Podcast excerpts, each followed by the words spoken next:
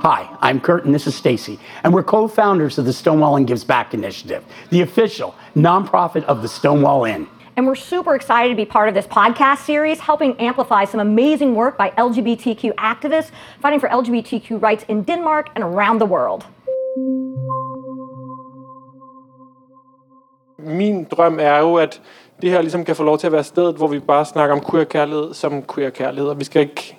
Jeg kommer til at iscenesætte det lidt over for alt muligt andet kærlighed, men, men også bare et øjeblik, hvor vi er fire queer personer, som snakker om kærlighed, og det skulle bare have lov til at være sådan. Og jeg er glad for at se jer, øh, og I er kommet herind på bakken i dagslys. Det er modigt på en eller anden måde. For det er ikke kun gode minder, der gemmer sig herinde, men vi skal prøve at lave nogen. Og jeg hedder jo i øvrigt Felix Thorsen Katz Nielsen, og er ligesom aftens vært på det her. Og normalt til daglig arbejder jeg inde på politikken som freelancer, øh, og har en kærlighedsbrevkasse og kulturjournalist, anmeldertype, hvad end de gider give mig penge for. Nogle gange er det meget, nogle gange er det ikke så meget. Det skal ikke være løst betonet at gå på arbejde, ved vi. Øh, men lige nu hygger jeg mig. Og jeg siger lidt mere om mig selv jamen lidt, men jeg starter panelsnakken med at spørge mine deltagere, hvem de er, og så skal de fortælle også om mig, hvad deres forhold til queerhed og til kærlighed er, bare så vi lige sådan lander i hyggen. Øh, men giv dem lige en hånd for at have sat sig herop.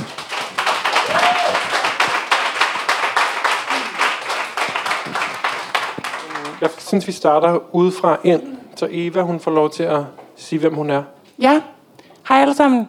Jeg hedder Eva Ejstrup. Øhm, jeg er også sådan en politikken-type, øh, som øh, arbejder som kulturjournalist og podcastvært på noget, der hedder Poptillægget, sammen med Lucia Odum.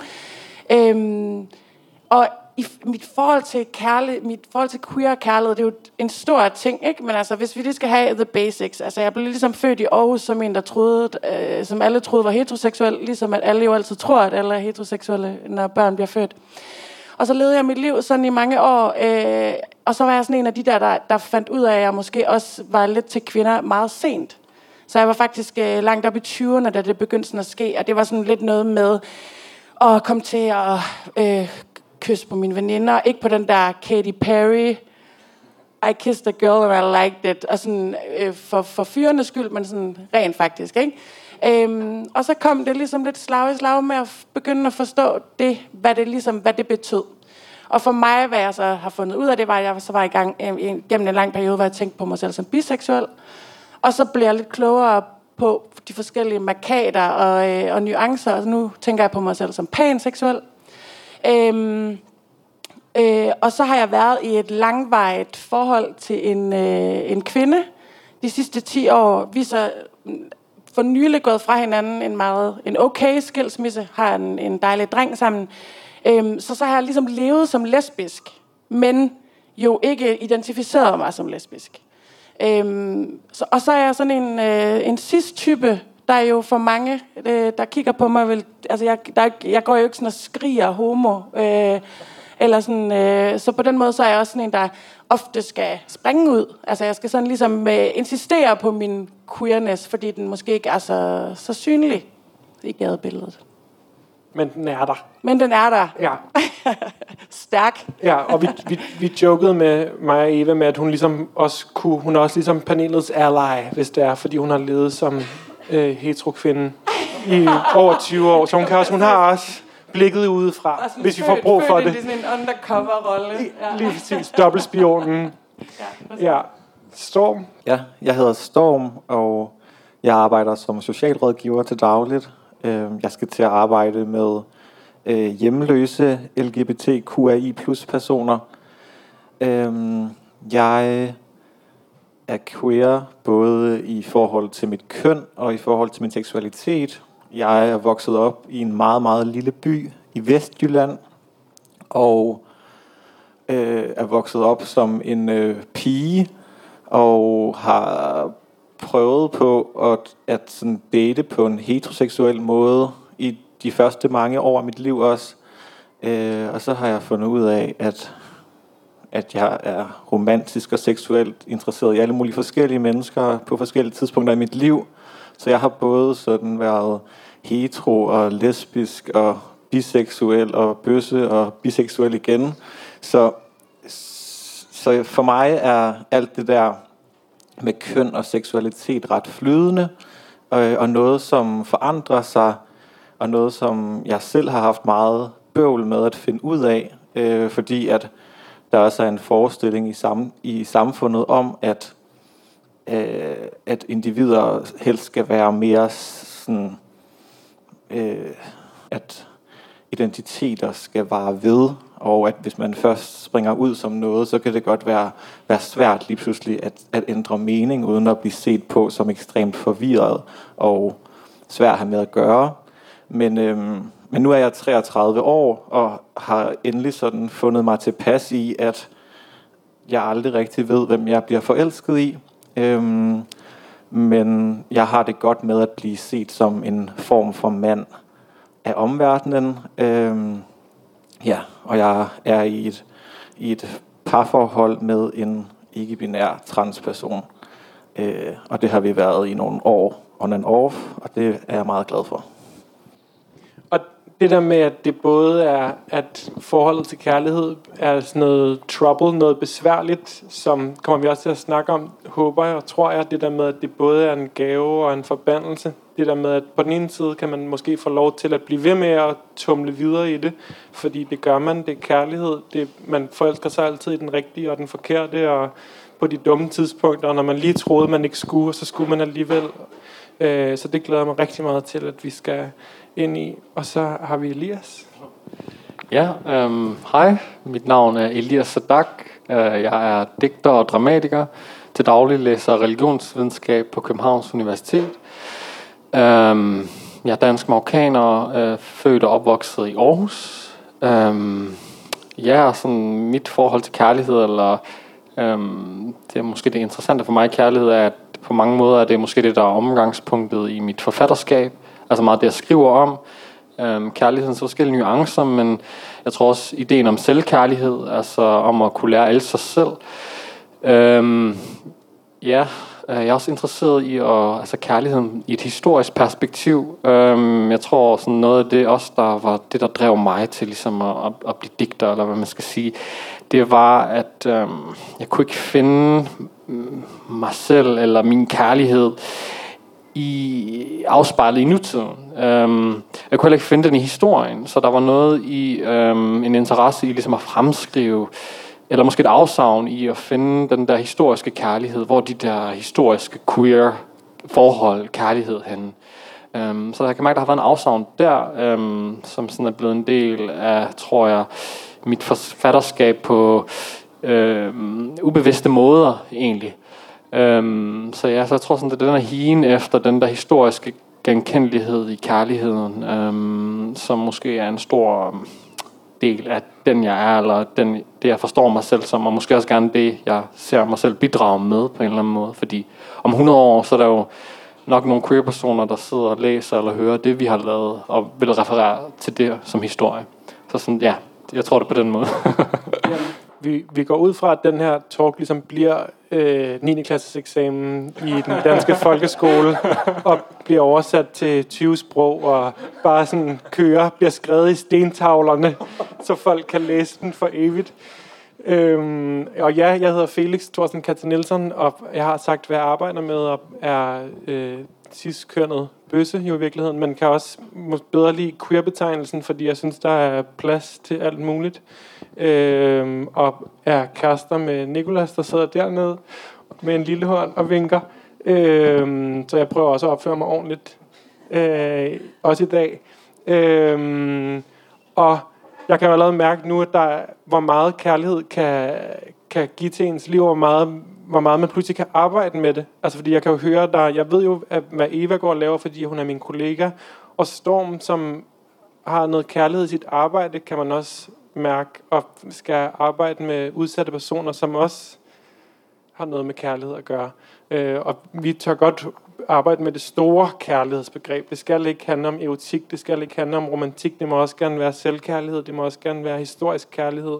Vi har også, mig og Elias, har også allerede snakket om Sappho, den gamle lesbiske digter, inden vi gik på. Der er a lot of love in the room, øh, og det er dejligt. Og så er det jo også først nu, det går for mig, at jeg har inviteret tre øh, jyske personer med i mit panel. Jeg er fra Frederiksberg, born and raised. Ja, lige præcis. Og det her er ikke en talk om jysk kærlighed. Den er i næste uge. Ja, lige præcis. Jyske, jyske kærlighed. Den finder sted på øh, Dokken i næste uge i Aarhus. Øh, og den vil jeg ikke høre mere om overhovedet. Jeg har haft en kæreste, der boede i Aarhus, og det var frygteligt. Og jeg endte med at slå op med ham på Spot Festival, som også finder sted lige nu, så det hele det bliver gør næsten for ondt. Øh, så den vil jeg gerne officielt lukke nu. øhm, nå, men nu vil jeg gerne åbne op for en åben samtale. I må bare bryde ind, og hvis der er nogen derude, som har får et spørgsmål, eller får en tanke, eller har lyst til at sige et andet, må I også meget gerne gøre det. Det er ikke os, der skal bestemme. Øh, jeg skal bare prøve at holde tiden en lille smule. Øh, men ellers er der frit spil.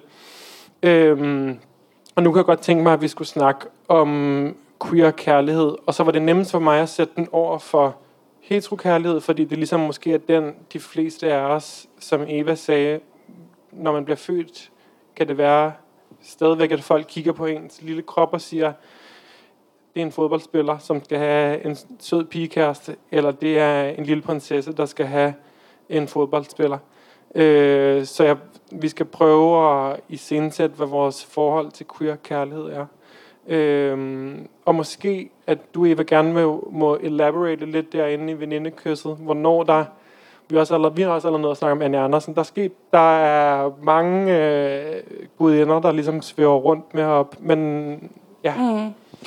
Altså, det, det der jo også er, det er, at, øh, at jeg lige pludselig øh, begynder at finde ud af, ja, jeg begynder at finde ud af, at jeg er meget tiltrukket af kvinder, og så kan jeg mærke, hvordan at jeg ikke kan give mig hen til det, ikke så meget på grund af sådan en, en, øh, en homofobi i virkeligheden. Jeg kommer fra sådan en rigtig irriterende, øh, sådan lidt, lidt hippieagtig familie, eller sådan, du ved, sådan venstreorienteret sådan noget, vi vil ellers da lige meget hvad. Eller sådan, så der har, ikke, jeg, der har ikke været sådan et eller andet familiemæssigt øh, pres på det.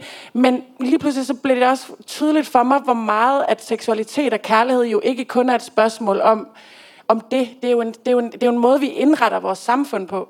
Det er jo en måde, vi, øh, vi strukturerer alle mulige ting på. Øhm, og jeg begyndte, jeg begyndte for alvor at, at forstå, at jeg, var, at jeg var til kvinder, da jeg, da jeg blev meget, meget forelsket. Øhm, og kom til nogle fester, hvor der kun, altså intime selskaber, hvor der kun var, var kvinder til stede. Og der var både hetero-kvinder, og der var folk, der var biseksuelle, panseksuelle, øhm, lesbiske. Øhm, så det var ikke sådan, det var ikke sådan score noget. Det var ikke ligesom sådan date night nede på Vela, eller sådan, eller nu skal vi sådan, nu skal vi, nu er der sådan lige i luften. Det var sådan helt almindelige selskaber, hvor der kun var kvinder til stede. Og jeg blev, blev opmærksom på, at det havde jeg aldrig nogensinde prøvet før. Altså, jeg har aldrig nogensinde været til en fest, hvor man drak, hvor man spiste, hvor man dansede, hvor, man, hvor der var diskussioner om alle mulige ting, og sådan noget, hvor der ikke var mænd til stede. Og jeg fandt ud af, hvordan jeg opførte mig meget, meget anderledes. Altså, jeg, jeg, jeg kunne mærke, hvordan at der var et eller andet, jeg ikke forstod omkring, hvem jeg var der. Og det var det der med, at der ikke var det der blik på mig, som var det sådan det mandlige blik. Og så gik det op for, hvor meget jeg havde levet i det. Virkelig, virkelig, virkelig, virkelig levet i det. Også når det ikke var der. Også når jeg ikke havde en kæreste, der var en mand, der kiggede på mig. Men jeg virkelig havde levet mit, mit, mit, øh, mit, mit teenage-liv og mit 20'er-liv i et stærkt, stærkt, stærkt lys af det her mandlige blik, som jeg på den ene side øhm, havde prøvet at leve op til på en seksuel måde, ved at prøve at være lækker, nok til sådan, at, at man altså sådan, var sådan en fuckable, klassisk fuckable øhm, pige. Og på den anden side havde prøvet at leve op til ved at være one of the boys. Øhm, så så det, jeg vil gerne, altså den der intellektuelle respekt, eller den der, sådan, den der lidt street cred, eller hvad det nu var, nu kom jeg meget i sådan nogle hip-hop miljøer, så det var sådan lidt mere sådan noget med, at, hvordan man så var sådan lidt en badass på det punkt.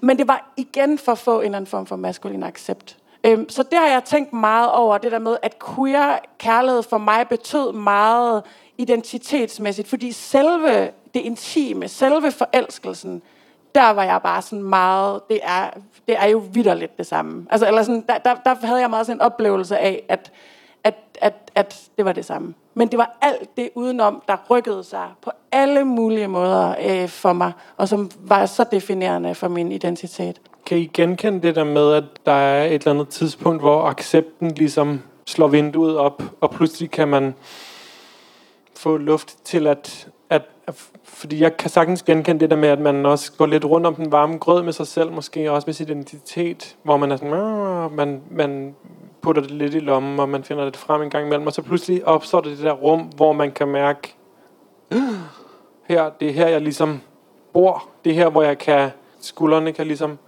falde ned, fordi den sidste, som jeg også som forberedelse til det her, snakkede med en journalist fra Heartbeats, der ligesom, hvor jeg sagde det der med, som almindeligt menneske kan man sagtens gå rundt hele dagen og være, føle sig 98% frigjort, men når så kommer ind i det rum, hvor der er 100% accept, de der, selvom det er 2%, der gør det, så føles de så frigørende, fordi man pludselig kan se hinanden i øjnene på en anden måde, end man kunne uden for det rum, hvor der var alt muligt andet i gang. Og det skal siges, jeg siger jo ikke, at kvindelige rum bare per definition altid er frigørende. Altså det siger jeg slet ikke. Det er som en pangdang til noget, jeg, jeg ligesom kom fra, og en, og en overgangsrige det på en måde, ikke? Men har, har I haft de der situationer eller øjeblikke, hvor det er gået op for jer, okay, der er, det er her, jeg skal være, og, og du siger ligesom Storm, det der med, at det, er en, det kan sagtens være en løbende ting, og det kan sagtens være, at man ikke skal være i det samme, til den samme fest hele sit liv.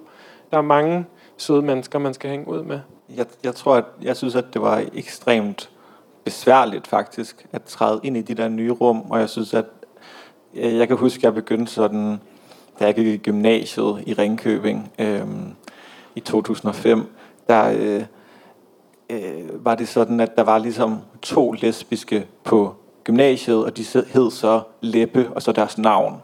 Øhm, så det var ligesom, det var det, som jeg havde i min nærhed, at, at spejle mig i på en eller anden måde. Øh, og så kan jeg huske, at så var jeg meget inde på boyfriend.dk, hvor at jeg så prøvede at slå hele Ringkøbing Amt til. Og der var der måske syv, eller sådan noget, og jeg havde aldersspændet helt fra, fra 18 til øh, 90. Så, så det var, jeg synes, at det var, jeg synes, det var lidt besværligt, og jeg synes, at jeg, jeg kommer fra et sted, hvor, hvor der på det tidspunkt var ekstremt meget homofobi, og hvor jeg også havde internaliseret meget af det, og øh, hvor at mine øh, første oplevelser med forelskelser i andre kvinder altid var ulykkelige, altid var, var øh, hetero øh, kvinder på skolen, eller mine veninder, eller Øh, så på den måde, så synes jeg, at, at jeg synes, det var svært, øh, indtil jeg så netop en dag, som mødte en anden person gennem boyfriend øh, på Blender i Aarhus, og vi så blev forelsket. Og så var vi kærester i Ringkøbing i et år, øhm, og, og, og var så lesbiske, eller sådan de lesbiske. Så, så på den måde, så synes jeg, at øh, at på alle mulige måder, så synes jeg, at for mig er queer kærlighed også noget, der handler meget om forsinkelse. At jeg føler først, at jeg har udlevet mine teenageår i mine 20'ere, fordi at, at der ikke var plads til det, da jeg var teenager, og da alle mulige hormoner styrtede rundt i min krop, og jeg blev forelsket. Men, men det var altid ulykkelig kærlighed. Meget genkendeligt det der med at, at have sin sene ungdom. Jeg kan også, der er, sådan et meme, har jeg det som om, med sådan der, savner du gymnasietiden, eller er du ikke straight? Og det der med sådan, det var, jeg hyggede mig også, men når jeg snakkede med mine venner, var de sådan her, åh, oh, hvis jeg bare kunne turn back time. Og jeg er sådan, nej, men jeg, done deal, jeg skal noget andet nu. Øhm, så det, der er 100% sådan en, eller den kan jeg i hvert fald sagtens genkende, det der med, at det er noget, der ligesom kommer slæbende bagefter. Øh, og et år i Ringkøbing er lang tid, lyder det som om at være kærester, og være de eneste lesbiske i Ringkøbing. Ja, altså jeg synes, det er meget sjovt, det du siger om gymnasiet, for jeg husker, jeg havde sådan en folkeskolelærer, der sagde til mig, at gymnasietiden kom til at være den bedste tid i mit liv, og det var den værste tid i mit liv. Øhm, så det kan jeg godt genkende.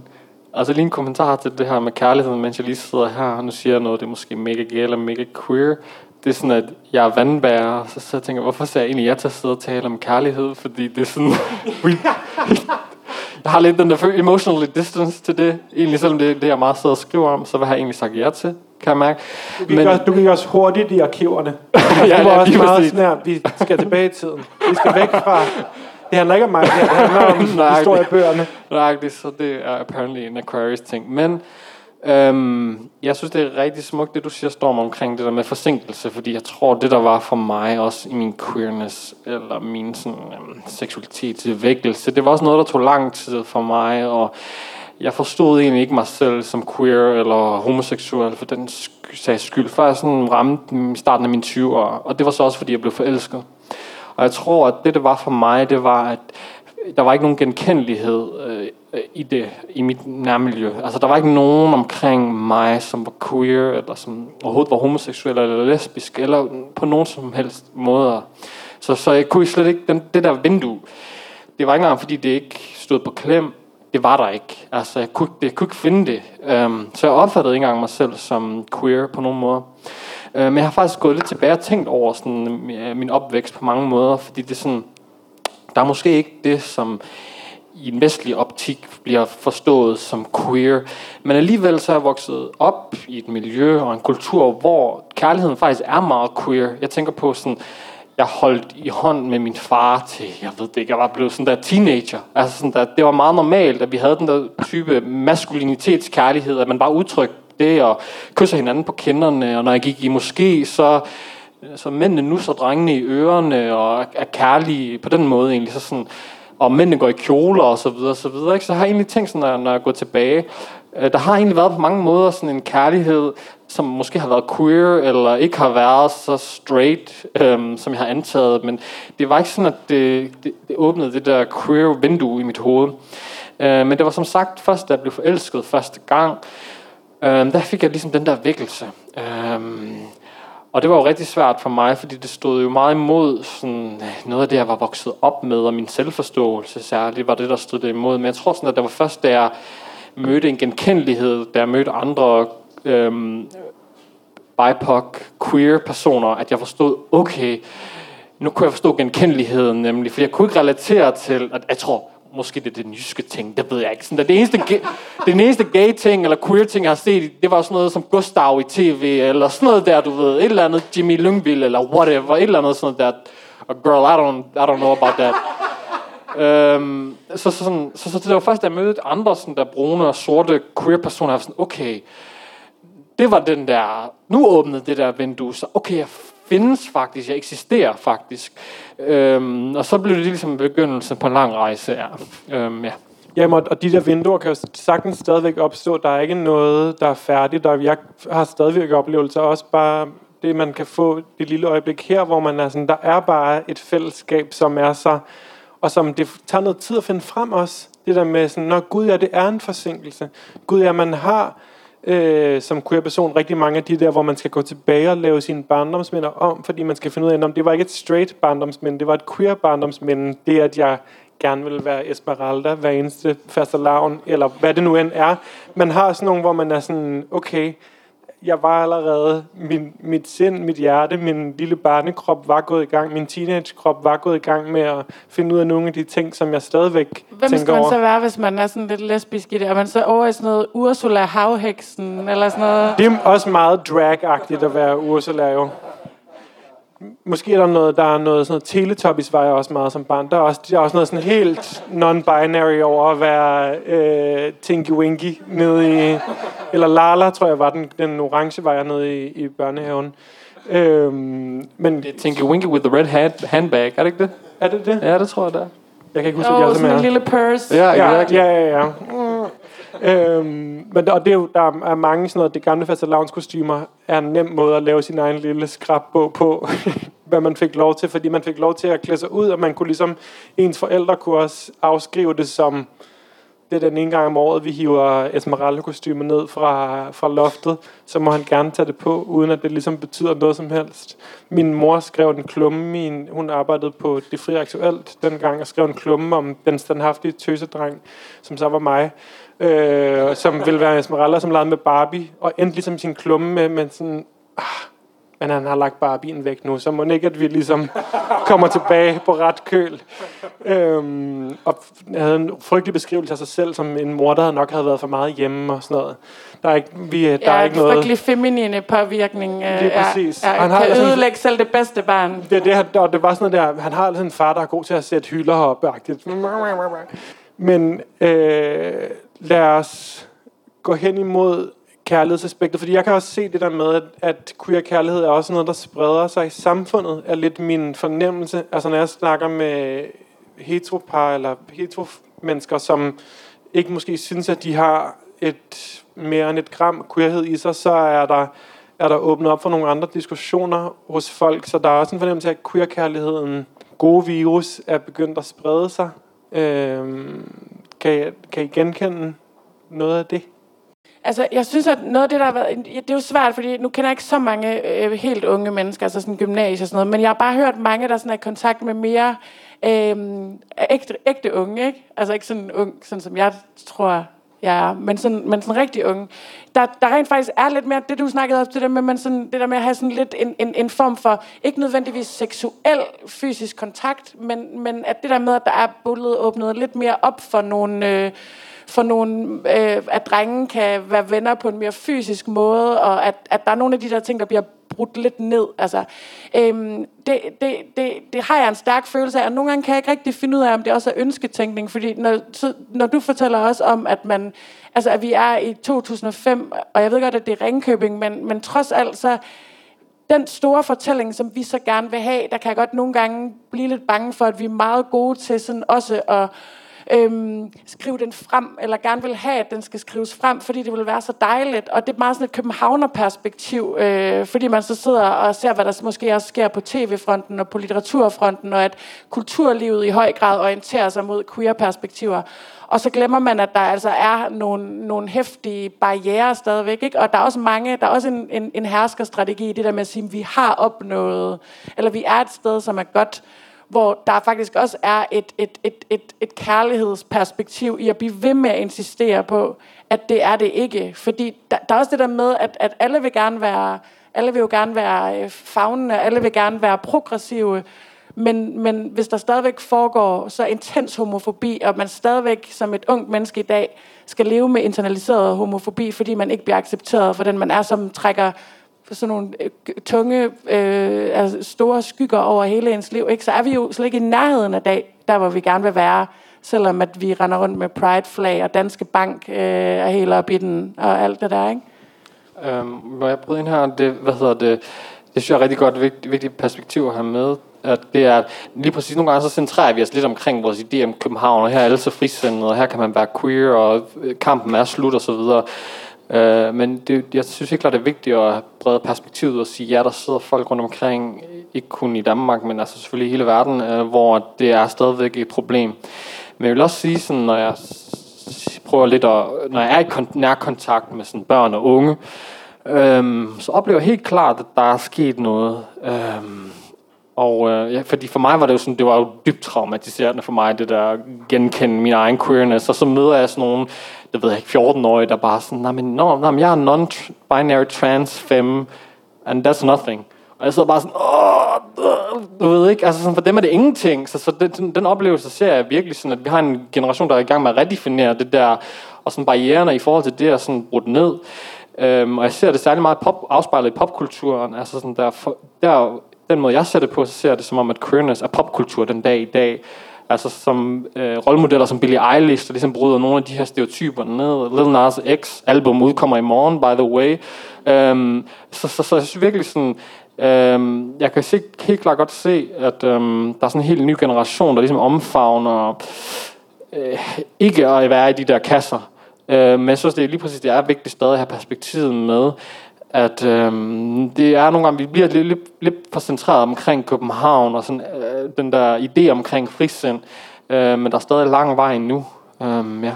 Jeg tænker også, at jeg læste om en undersøgelse her den anden dag, som netop øh, pegede på, at de mest anvendte skældsord i folkeskolen, det handler stadigvæk om, om køn og seksualitet. Det er sådan noget som bøsse og kælling og alle sådan nogle ting, som, som netop handler om at være feminin, for eksempel. Så på den måde, sådan, det, det siger jo netop også noget om, hvilke nogle skældsord vi bruger, hvilke nogle, nogle, nogle ord, der er lavet med negativ betydning. Det siger noget om netop, hvem er det, der hele tiden bliver skubbet ud fra, fra det gode selskab. Og, øhm, og nu har jeg jo også arbejdet på, på herberg i mange år, og, og, og det er også et miljø, hvor det på alle mulige måder bliver det, det tænker jeg nogle gange, sådan, det er lidt ligesom en skolegård på en måde. Der, der er det også, handler det også ofte om køn og seksualitet, når man skal svine hinanden til og degradere hinanden.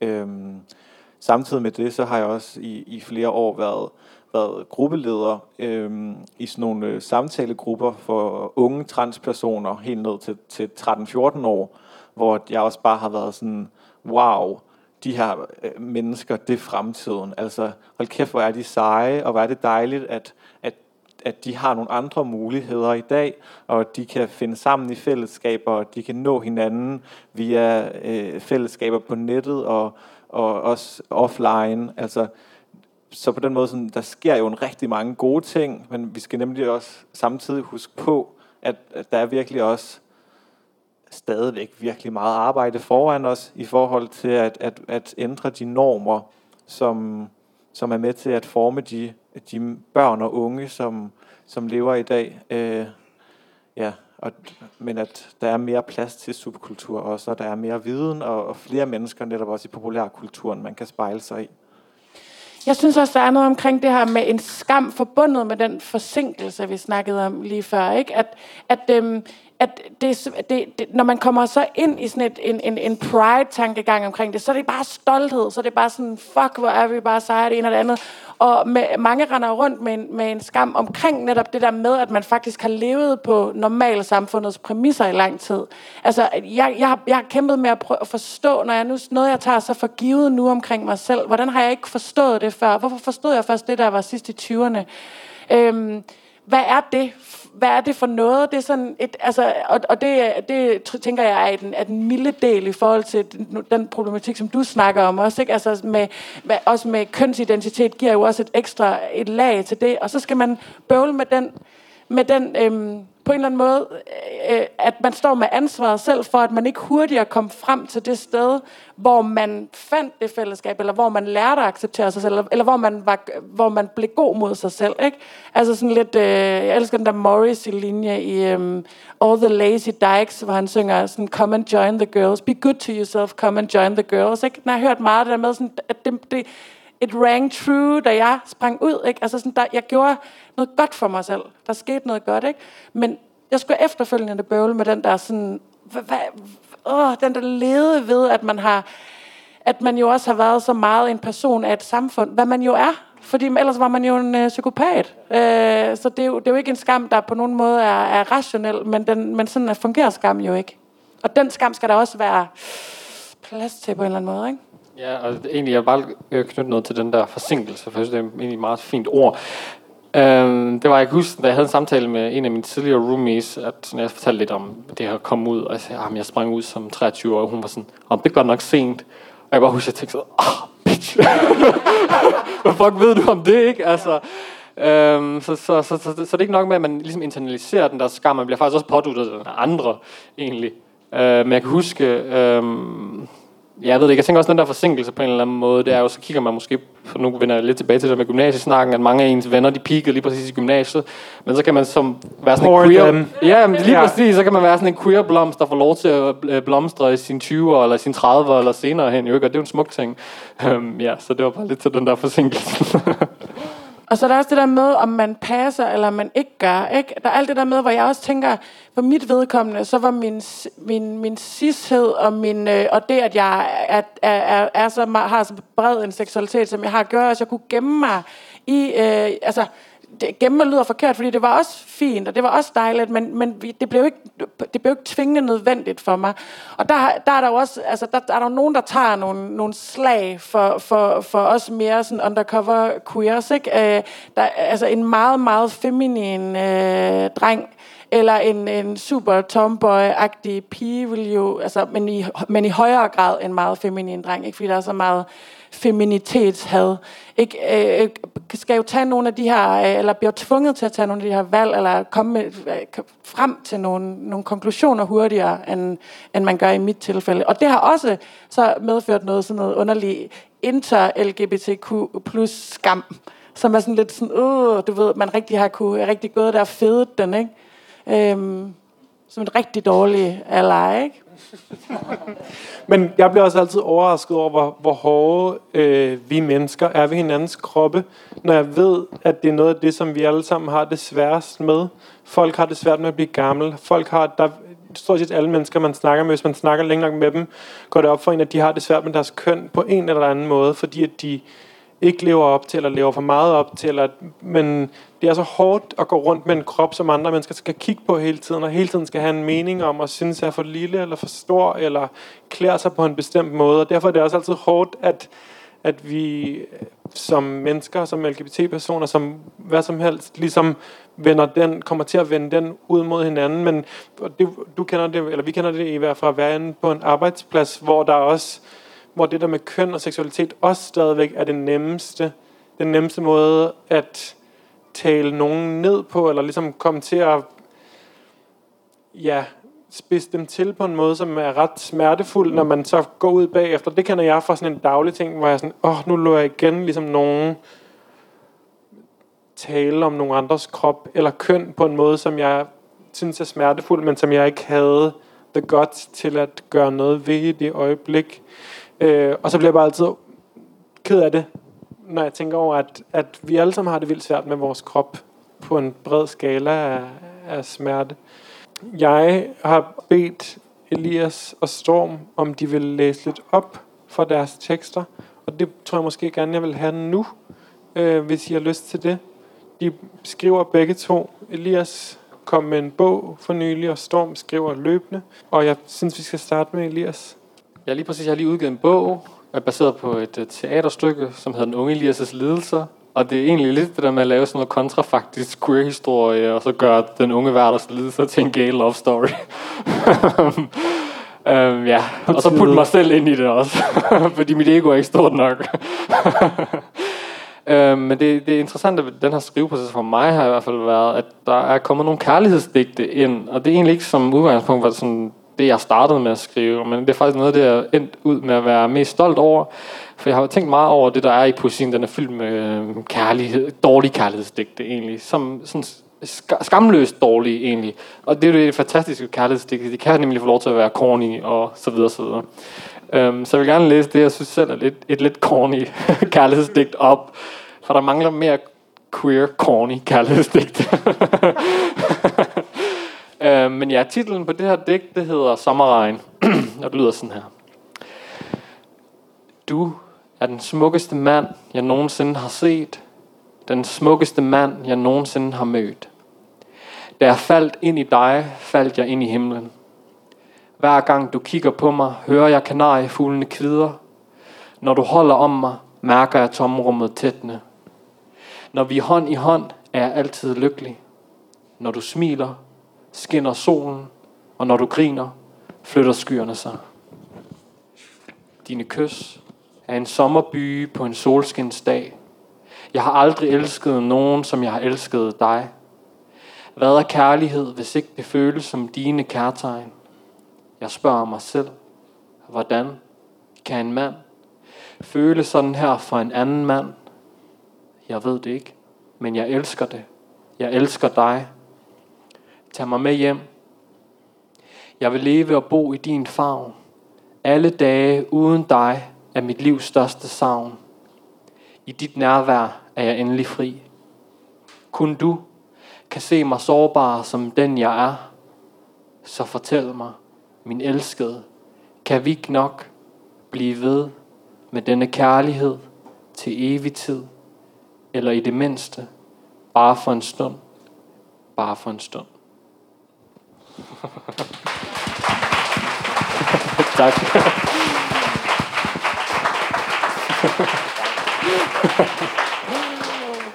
tak. Rigtig dejligt. Rigtig dejligt.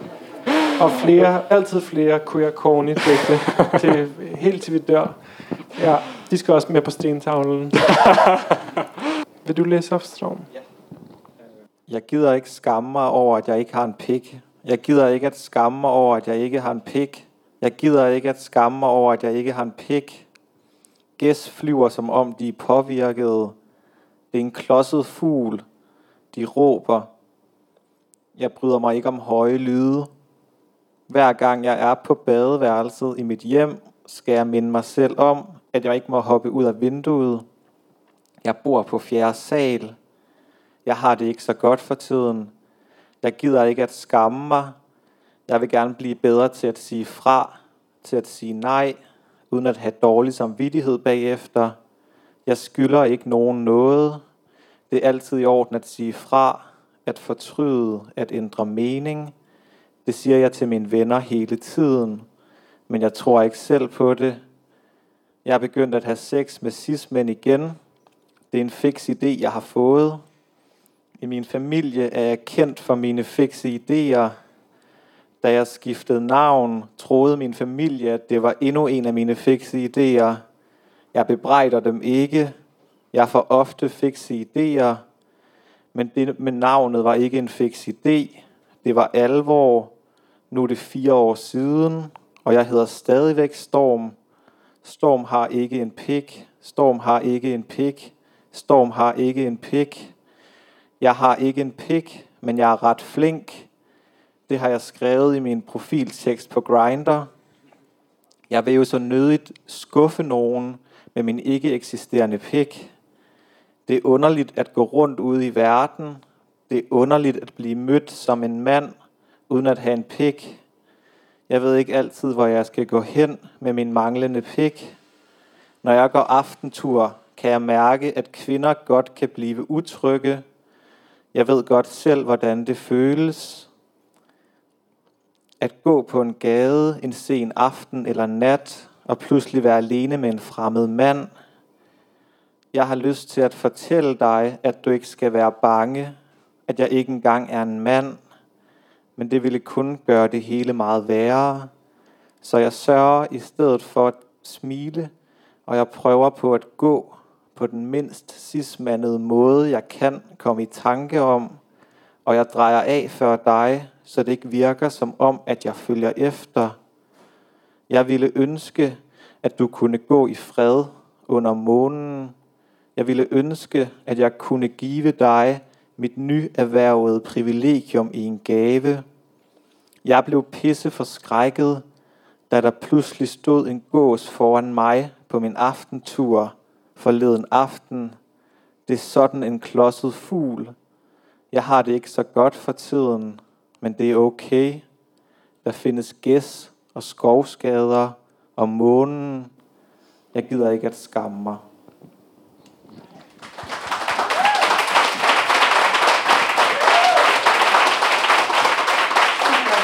Meget, meget godt. Tak fordi I var her og hørte efter. Det var vildt dejligt, og tak fordi I var her. Det var vildt hyggeligt. Og vi kunne gøre det igen næste uge. Jeg var glad for, at der ikke var noget mere om Jylland. Den blev pakket væk med det samme. Øh, tak fordi I var her, og giv dem lige en kæmpe hånd.